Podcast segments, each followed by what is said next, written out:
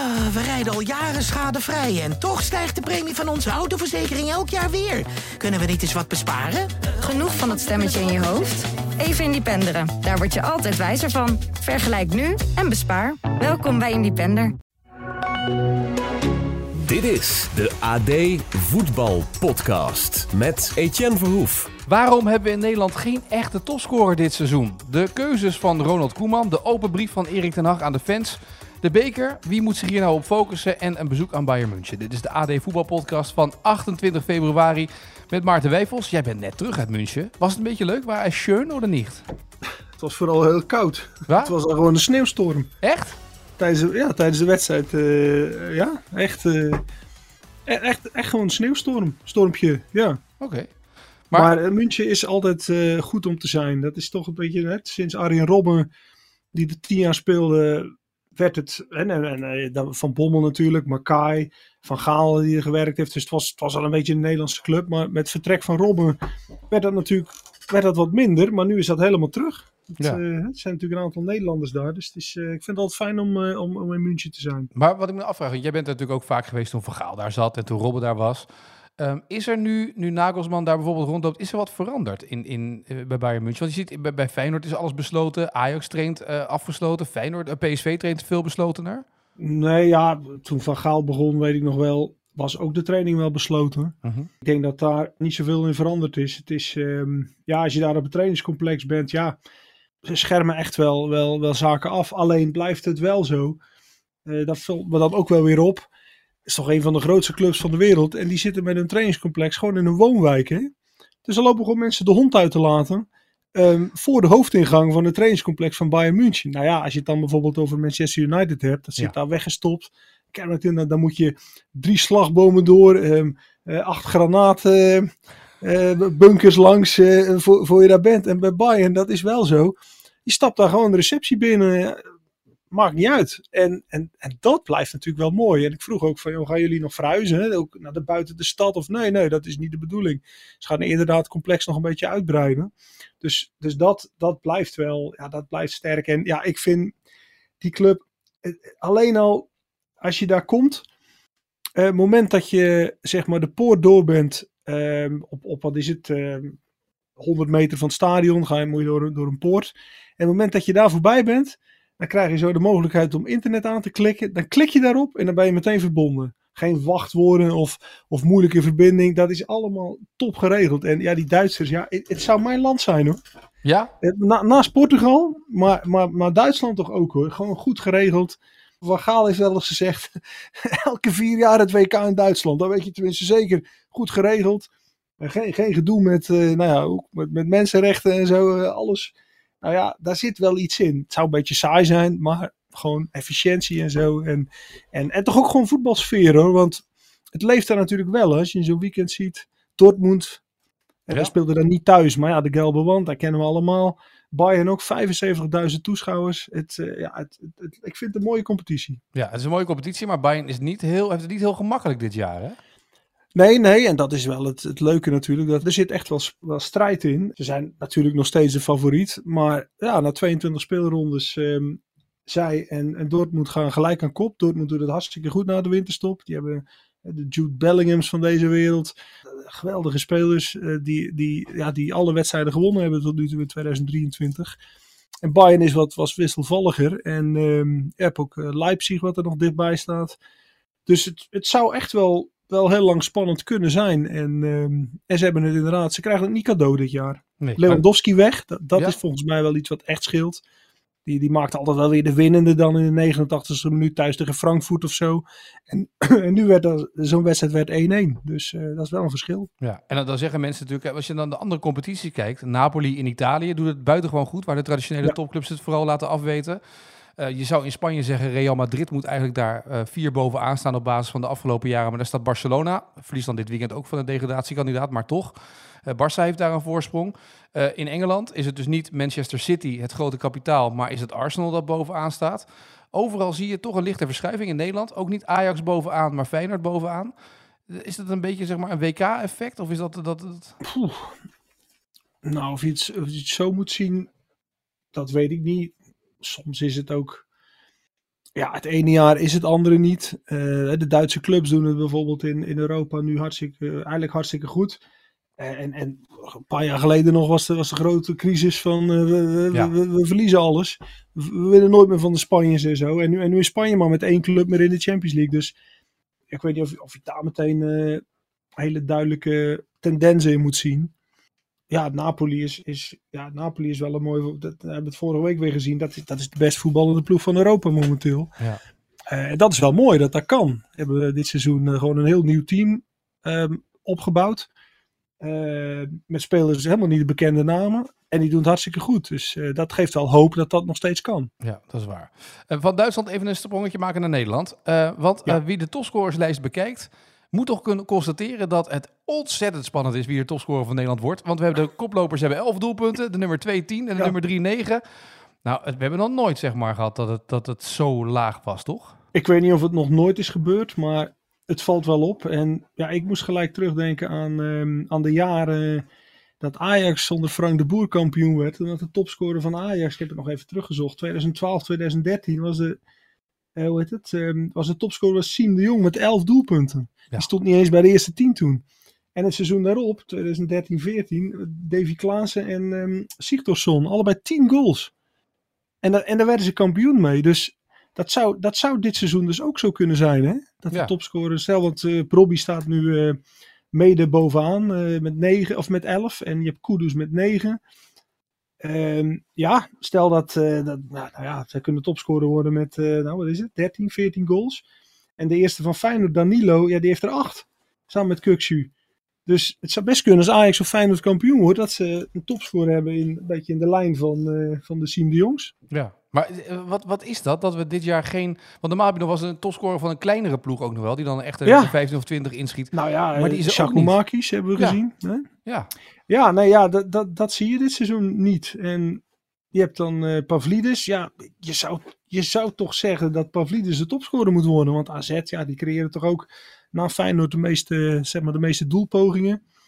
Ehm, en bij, bij AZ, ik heb het laatst nog eens in de krant eh, ook een stukje over geschreven. Dat, eh dat Pavlidis, volgens mij is die voor, nou wat is het? Voor eh 24% van, van alle goals Ja. van AZ komt van hem.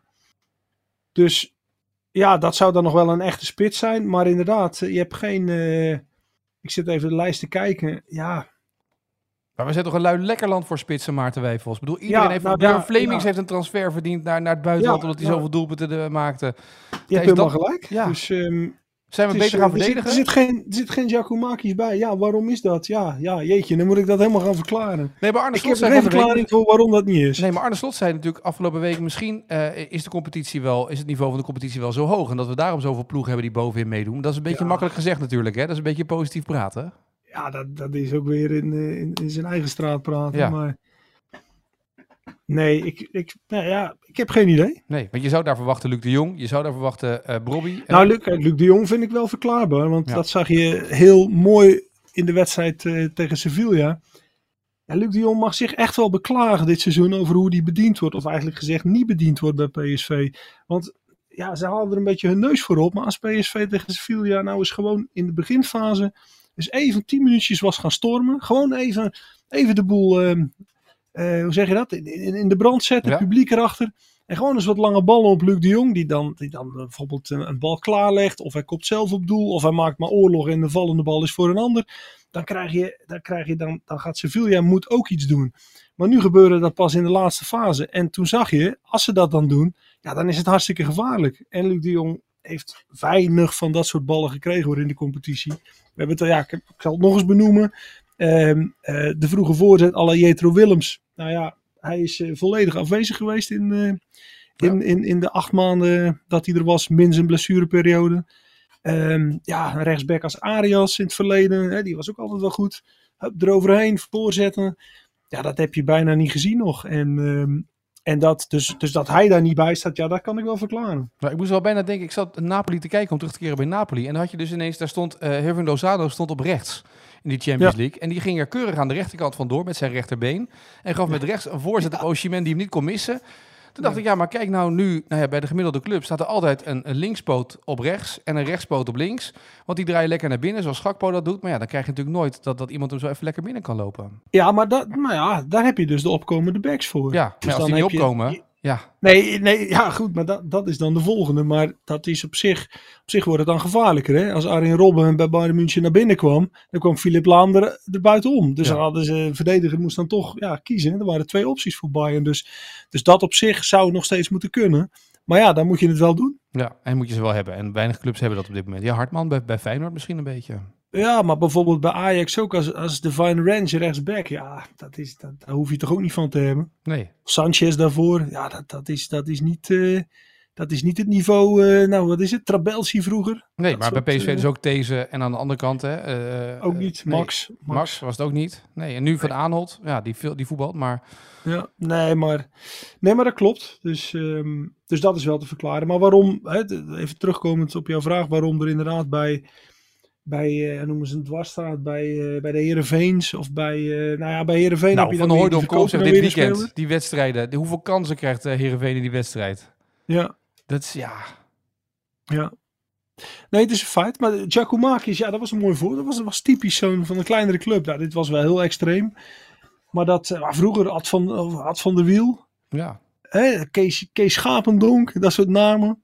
Maar ook vrij recent nog, hè, Bas Dos, Nou ja, Alfonso Alves, bij ja, dat AZ in de tijd. Het ontbreekt gewoon een beetje. Ja, dus eh, dat is een eh, speerpunt voor het volgende seizoen. Ja, gaan we rekenen. Kijken of dat gaat veranderen. En dan even naar komende vrijdag. Want ehm, komende vrijdag dan eh, moet Ronald Koeman zijn eerste selectie bekendmaken. Verwacht jij verrassingen? Voor selectie, Ja, hè? Voor selectie. Ja, ik wil zeggen, want anders maken we het voor de mensen weer te spannend. Nou, maar er, er wordt iedereen... Kijk. Willem van Hanegem schrijft wie vooral eh, in, in oranje. Ik hoor Hartman, weet je wel. de- de- hij is op bezoek geweest, eh, Koeman bij Feyenoord. Maar, Ja. maar, maar wat kunnen we daarvoor... Hij moet ergens gaan doorselecteren. Ja, wat hij zal doen, lijkt mij, maar moet even blijken deze week. Hij kan, hij kan een vrij grote voorselectie natuurlijk maken. Om te laten zien, joh, er is een nieuwe bondscoach. Er zijn heel veel spelers in beeld. Ja, hij zal inderdaad ook bijvoorbeeld van Feyenoord. Ja, dat is toch, het is de koploper. Er zitten ook weer wat Nederlandse jongens die je zou kunnen selecteren. Want dat was natuurlijk het hiervoor. Ja, Bijlo eh, zat erbij. Ja. Maar voor de rest ja, was er niet zo heel veel smaak. eh, of niet zo heel veel keuze met allemaal buitenlandse spelers.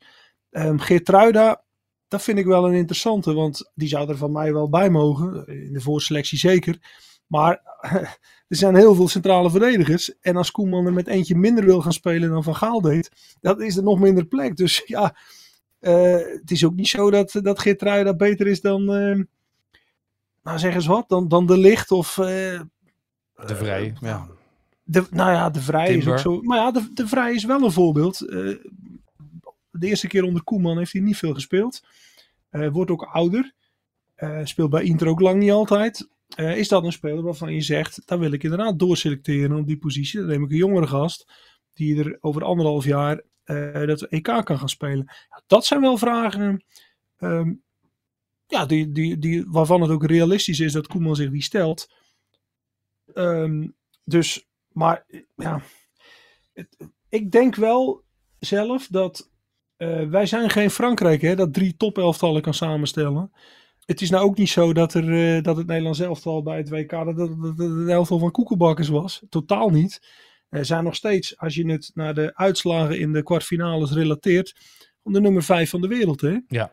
Dus, dus zo is het ook. En ehm, ik kan me niet voorstellen dat Koeman dat meteen overboord gooit.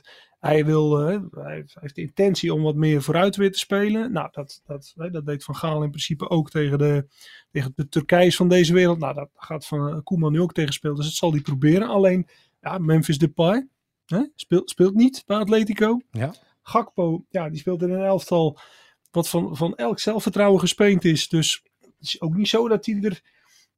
Nou ja, hij, hij heeft wel gescoord, gelukkig, de laatste eh, Ja. paar wedstrijden. Maar het is ook niet zo dat hij er, dat hij er heel frolizant bij loopt momenteel. Alle ballen op Wout. Het wordt gewoon, Eh, Wout is de kapstok van Oranje. Nou ja, en, en als je dan over Wout Weghorst praat, dan heeft Koeman eh, vaker de keus gemaakt voor Luc de Jong. Dus ja, dat, dat zijn wel interessante, interessante vragen die weer op tafel komen. Nou ja, voorin heeft hij natuurlijk sowieso. eh, en, en op het middenveld, Berg, Berghuis niet in vorm. Bergwijn niet in vorm. Nou, ja, Bergwijn Depay speelt bijna niet. Nee, maar dat soort jongens, zit je. Maar bij, bij Nee, daarom maar, dan zou het wel prettig zijn als je Nou ja, heb je het over die topscorers. Als er nou drie Nederlandse jongens waren. die de pannen van dak spelen elke week in, eh, Ja, bij Ajax of Feyenoord voorin. die het Nederlands elftal zouden kunnen.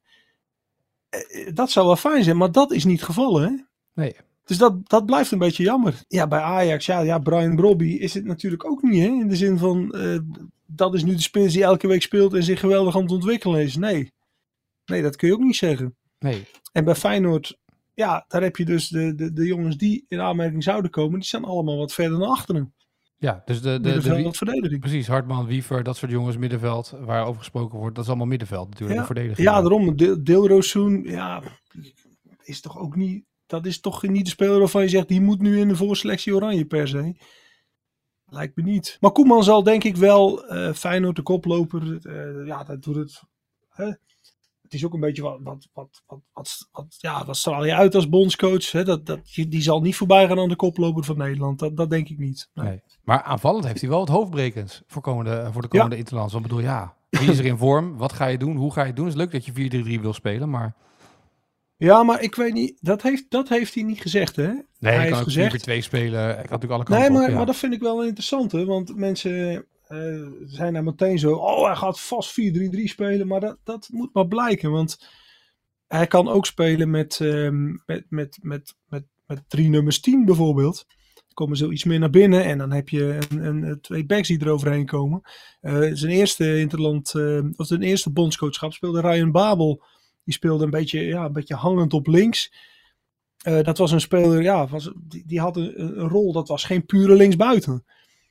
Dus, ehm, en op rechts stond volgens mij onder andere Bergwijn. Die kwam toen inderdaad wat naar binnen, kwam Dumfries eroverheen. Ja, daar zullen ze wel een beetje mee spelen. Kan bijna niet anders. Nee. Want er is, eh, er, er, er is geen... Er is nog steeds geen echte rechtsbuiten. Ik was laatst bij, bij Club Brugge even bij een wedstrijd. En toen, toen viel Noah Lang heel positief op. Dat, die moet ik wel noemen. Mhm. Eh, als je dan hebt over aanvallend ingestelde spelers die het goed doen dit seizoen. Dan is hij er één van. Ehm, maar ik vroeg na afloop aan, aan die trainer van hun, die Scott Parker. Van joh, eh, hoe zie jij dan Lang? Ja, zei die, ehm, eh, ik vind hem het beste op de vleugel. Maar ja, daar komt hij weer. Ze spelen allemaal het liefst op de linkerkant. Dus ik zei tegen hem, joh, kun jij niet tegen zo'n jongen zeggen, joh, ga nou voor je kans op rechts, want, want de rechterkant ligt open bij Oranje. En toen moest hij een beetje lachen en zeiden, ja, ja, ehm, dat heb ik al tegen hem gezegd of zo. Maar ja, dat, dat van Gaal ook, dat hij dan zei, joh, jongens, rechterkant ligt open, maar dan willen ze toch allemaal het liefst op links spelen. Ja. Dus, ehm tja. Ja, Donny Amala niet. Die was er klaar voor, hè? had hij toen tegen Van Gaal gezegd. Donny Amala had toen gezegd, Ja, van, ik ben er klaar ook- voor. Ja. Ja, ja, ja, ja, Ja, dat is ja. waar. Maar dat is ook zo heen. Dortmund doet het dus hartstikke goed. Hij is hooguit invaller. Ja. Dus daar moet je het ook niet van hebben. Ja, Xavi Simons zou het kunnen, want die speelt overal. Ehm, maar, maar ja, dan komt, die zal ook wat meer naar binnen spelen. Maar dat, dat, dat is misschien nog de meest logische eh, optie. Overigens noemde jij Club Brugge. Heb jij nog even gezien op internet die elleboog bij Club Brugge? Die Ja. niet bestraft werd door de VAR. Was, Ja, ook, VAR was ook lastig eh, te zien trouwens, hoor, moet ik zeggen. De, de VAR, dat was, ik zat ook te twijfelen of het een elleboog was. Hè? Ja, ja, ja ongelooflijk hè. Maar dat was laatst, vond ik, ik, nou ja, ik blijf dat interessant vinden. Pierre van Hooijdonk heeft dat eh, geopperd, hè, van er moeten oud-spelers VAR zijn. Ja. En daar is iets van waar. Eh, hij noemde toen Cor Lems, want die kwam in een filmpje voorbij bij Studio Voetbal, hè, met, met al die smerige overtredingen. Corlems? Dat nee, soort- toch? Nee joh, die was helemaal niet smerig. Die was de Ja, maar jongen dat soort spelers, die, die herkennen overtredingen in een wedstrijd. Of iets gemeen is, of niet gemeen, of expres, of per ongeluk. En zou Cor Lems, als die achter zo'n VAR-scherm had gezeten, zou die er dit niet uitgehaald hebben bij Club Brugge? Nee, maar die had gezegd, dat deed ik 100%. vroeger ook, kreeg ook geen kaart voor. Dus waarom nu niet? Ja, dat kom ik ja, ja. Nee, die kreeg hij wel hoor. Ja, dat is waar. Nee, maar, maar daar da, moeten ze... Ja, misschien dat die spelers niet, die oudspelers niet willen hoor, maar voor, voor dat soort, dat soort geniepigheidjes ook, daar, daar heb je toch, ja, met boeven vang je boeven. Hè? Nou ja, maar Toch? ik denk als je gaat kijken, Ja. als je letterlijk gaat kijken in de wedstrijd, wat er gebeurt, we hebben het vaker over gehad, hè, de duw in de rug van de spits geven. Hoe vaak gebeurt het niet dat de spits in de lucht is, een zet van achter krijgt, uit balans wordt gebracht en daardoor eigenlijk niet kan koppen. Maar die, die zet wordt nooit bestraft. En dat zijn van die, zoals Pelle dat ook wel eens deed op de middenlijn bij Feyenoord, dat hij een speler al naar beneden trok. De scheidsrechter zag het nooit, totdat we erop gingen letten door videobeelden. En toen ineens zag iedereen het. Het zijn van die Ja. geniepigheden die erbij horen natuurlijk een beetje. Nou, dat wil ik zeggen. Ik wil, ik wil ook zeker niet pleiten dat, dat, dat alle slimmigheidjes, geniepen, dat het allemaal uit het voetbal moet. Alleen elleboog in het gezicht wel. Ja, die wel, ja. Maar, maar slimme, slimme, op een slimme manier je voordeel halen. Ja, dat, dat, dat vind ik nog steeds wel dat dat moet kunnen. Hoor. Want dat is ook een beetje de... Ja, wat, wat, wat, wat clevere voetballers onderscheidt van domhoren. Ja, het is een beetje blokzetten zoals bij basketbal. En dat, dat wordt gebeurd Nou, ja. steeds meer natuurlijk. Ook in, in corners zie je het ook steeds vaker Ja, nou ja, daarom dat. Dat, Ja. dat, moet, dat moet kunnen, vind ik. Oké. Eh, tot slot nog twee onderwerpen. Even zometeen over de beker, want ja, wie moet zich daar nu op focussen? Maar Erik ten Hag wint de League Cup. Hebben we het gisteren over gehad in de podcast natuurlijk. Groot feest. Dag later, ingezonde brief. We zijn met z'n allen onderweg. Hoe vond je de open brief van, van ten Hag op de website van United? Ja, Ten Hag is, eh, het is de rattenvanger van Hamelen. hè. Nou, het is ongelooflijk hè? Het is, het is alles wat hij zegt, wat hij doet. Ferguson eh, mee uit eten nemen. eh, of Ferguson hem, dat weet ik dan niet. Maar het, ja, het, het- hij doet het geweldig. Maar ook, ook dat. In Nederland werd toch vaak gezegd Ten Hag. Een beetje onhandig in publiciteit. Nou, in Engeland is daar geen sprake van. Hè? Hij vergeet bijna de beker mee te nemen. Maar dat lost hij dan ook charmant op. Laatst was hij een keer te laat. Dat hij zei van eh paspoort Een grapje ja, het, het gaat, het gaat eh, wat dat betreft het complete pakket krijgen je momenteel. En, en dat, ik denk dat dat eh, vakinhoudelijk, dat, dat wisten we al. Maar, maar dat hij ook in Engeland toch op een bepaalde manier slim eh, de charmeur speelt. Nou, dat, dat, is, dat is de extra factor die er ook bij zit. Toen vroeg ik mij wel af, hè, als je dat nu ziet, ook met die open brief die hij dan op de website zet van United richting de fans. Is dat de Steve McLaren factor? Want die had dat natuurlijk ook, hè? De gentleman. Ik bedoel, ten, de- Ja, van de nou, Gaag dat is, zeg is je- de analist, maar misschien dat McLaren Ja. daar wat... Nou, dan zeg je iets interessants. Eh, ja, het woord interessant moet ik even niet gebruiken. Nee, dan zeg je iets relevants. Ehm, nee, omdat ik zag een filmpje met Alex Ferguson en die benoemde ook de McLaren factor. Hij zegt, die heeft hier, die is terug bij de club, die kent de club. Dat heeft ongetwijfeld eh, ook ehm, een positieve uitwerking voor Ten Hag. Die benoemde dat. Dus dat zou kunnen. Maar ik herinner me, ik was bij de presentatie van Ten Hag in, eh, wanneer was het? In mei denk ik. Mhm. Juni? Ja, juni. Ehm, en toen kwam vooraf de vraag aan ons, aan de pers, maar vooral ook aan die Engelse journalisten: willen jullie eh, alsjeblieft zoveel mogelijk op de voorste rijen gaan zitten? Dus die mensen die keken allemaal zo van, ja, hoezo? Ja, dat was de vraag. Erik, Erik eh, vraagt of jullie op de voorste rijen willen gaan zitten. Dus iedereen zat daar op de voorste rij en hij komt binnen en dan geeft al die Engelse verslaggevers een hand. En die waren helemaal verbluft. Dat, er, wa- was nog nooit een trainer geweest die gewoon was binnengekomen en die had gezegd: Hello, I'm Eric. eh, how are, who are you? Hè, of eh, you're fine today. En allemaal een hand geven. En dus vanaf dag één is hij daar toch al mee bezig geweest. Ja. Hoe je ook dat bespeelt. Maar dat, dat, daar moet toch iemand zijn die dat... Er moet toch een, een Ten Hag-fluisteraar zijn, toch? Want we hebben de trainer of- fluisteraar Ja? Ja, maar McLaren denk ik wel dat daar een rol in speelt. Maar misschien dat hij dat zoek zelf eh, heeft gezien dat dat, dat dat belangrijk is dat je daar iets mee wint. We hebben hem in Nederland eh, misschien wel boven zichzelf uit zien stijgen op het moment dat Overmars wegging bij Ajax. Want wie kwam er voor de camera toen, vlak voor een wedstrijd? Erik ten Hag. En die hield toen een goed verhaal. Hè? Ja. Dat hij wel zei, teleurgesteld in Mark, teleurgesteld dat dit zo eindigt. Maar ja, iets, iets in de trant van ehm, op menselijk vlak eh, hebben we nog contact. En, maar, maar, maar feilloos. Eh, hij, hij zei de goede dingen op de juiste toon. En daar kreeg hij toen ook complimenten voor. Dus misschien dat hij daar ook eh, zelfvertrouwen aan heeft ontleend. En heeft gezien van eh, de- deze, deze kant van het vak kan ik ook ontwikkelen. En, en, en daar kan ik mijn voordeel mee doen. En, en dat zie je nu ook wel terug. Ja, De lessen van Ajax eigenlijk voor Ten Hag. Ja, mooi. Ja. Nou ja, maar dit dit is toch het mooiste voorbeeld. Ten Hag, bouw een carrière nou op. Al die trainers die zo snel willen. Ten Hag heeft bij Bayern München 2 gewerkt. Eh, eh, tien jaar terug werd werden bronzen stieren uitgereikt in de eerste divisie. Dat- ja, het gaat nu over mij en zo bedoel ik het helemaal niet. Maar daar was ik toevallig ook bij een keer. Omdat Van Gaal toen als bondscoach uitreikte.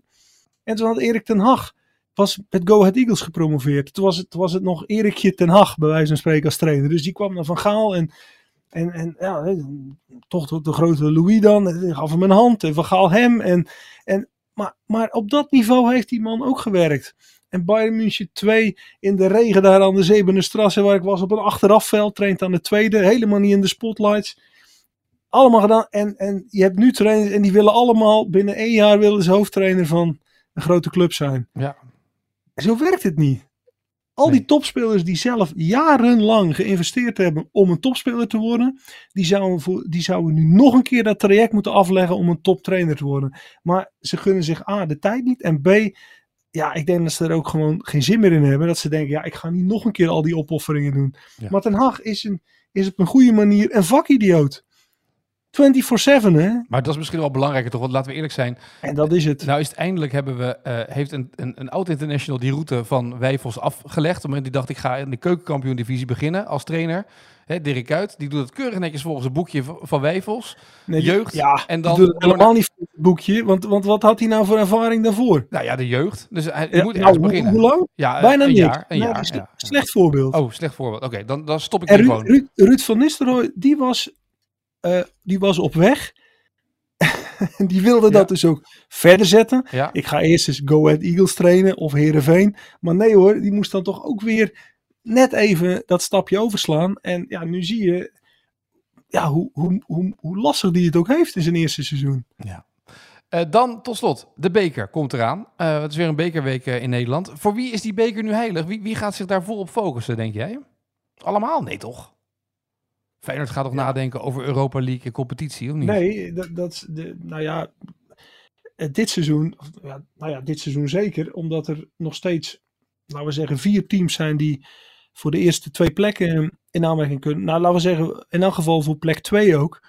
Ehm, eh, dat betekent dat, dat je niks kan laten lopen, want je kunt ook vierde worden. Eh, en- en- dan een play-off plek of, of een Conference League ticket of Terwijl de beker geeft recht, recht op Europa League. Dus het is nog steeds de kortste route naar, naar een Europa League plek.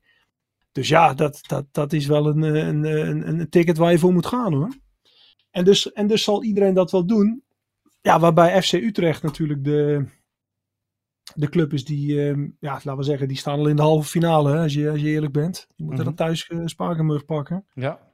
En als die dan een thuiswedstrijd loten, ja, dan kunnen zij de finale halen. En dan wordt het nog belangrijker, want dan, dan schuift er dus geen ticket door. Hè? Als Utrecht, eh, wat is het, eh, zesde of zo wordt. ja. Oké, dus die beker wordt voor iedereen eigenlijk belangrijk. Dat is het eigenlijk. Ja, wat ik zeg, eh, geeft een beter ticket dan, eh, dan, dan menig plek in de competitie. Dan gaan we tot slot van deze podcast naar de vraag van vandaag. De vraag van vandaag. En die komt van gewaardeerd collega Gauka voor jou, eh, Maarten. Dit is hem. Eh, Duarte was de eerste geboren Rotterdammer met een eredivisiedoelpunt tegen Feyenoord sinds puntje, puntje, puntje. Op 2, na- 2 mei 2021, hij is snel terug te vinden, was er een andere Rotterdammer die namens een andere club tegen Feyenoord scoorde. Dus Duarte namens Fortuna, maar wie was die andere speler, de laatste speler voor Duarte, als echte Rotterdammer scoorde tegen Feyenoord? Nou, dat weet je natuurlijk. Hè. Dit is collectief geheugen, toch? 2021. Ja, 2 mei 2021. Zal ik je de club geven waar ze tegen speelden? Ja? ADO Den Haag. Ehm, Ze verloren die wedstrijd met 3-2. En dat was een Rotterdammer die twee goals maakte die wedstrijd. twee nog wel. Ja. Ja, El Kayati toch niet? Nee. Ja, ja, El twee goals. Ja, ja. Ja. ja. Ja. Ik wist niet dat hij in Rotterdam geboren was. Oké. Ja, geboren Nou ja, dan Rotterdammer. is dat inderdaad een mooie. Ja. Dan is het aan jou, hè? Voor morgen. Ja, het is bekerweek, Etienne, dus dan doen we een bekervraag. Ehm, wat was de laatste amateurclub die in de halve finale van het bekertoernooi kwam? Vind ik een mooie vraag. En wanneer? Ja, wanneer het. Ja, Misschien is dat nog eh, erbij te, ja te zeker. wel. vertellen. Het was wel bijzonder, want het was de eerste amateurclub eh, toen de tijd, sinds 1975 ongeveer, die zo ver kwam. Daarom. Ja, dat is wel een, eh, een mooie vraag. Nou, mooi. Ja. Daar kunnen we het morgen mee doen. Weet je het antwoord? Vooral even Twitter gebruiken als je denkt te weten welke ploeg het was. En dan gaan we morgen in de AD Voetbal podcast antwoord geven op die vraag. Maarten, dank weer voor vandaag. Ik wens je een, een mooie dag. Jij ook. We rijden al jaren schadevrij en toch stijgt de premie van onze autoverzekering elk jaar weer. Kunnen we niet eens wat besparen? Genoeg van dat stemmetje in je hoofd? Even Independeren. Daar word je altijd wijzer van. Vergelijk nu en bespaar. Welkom bij Independer.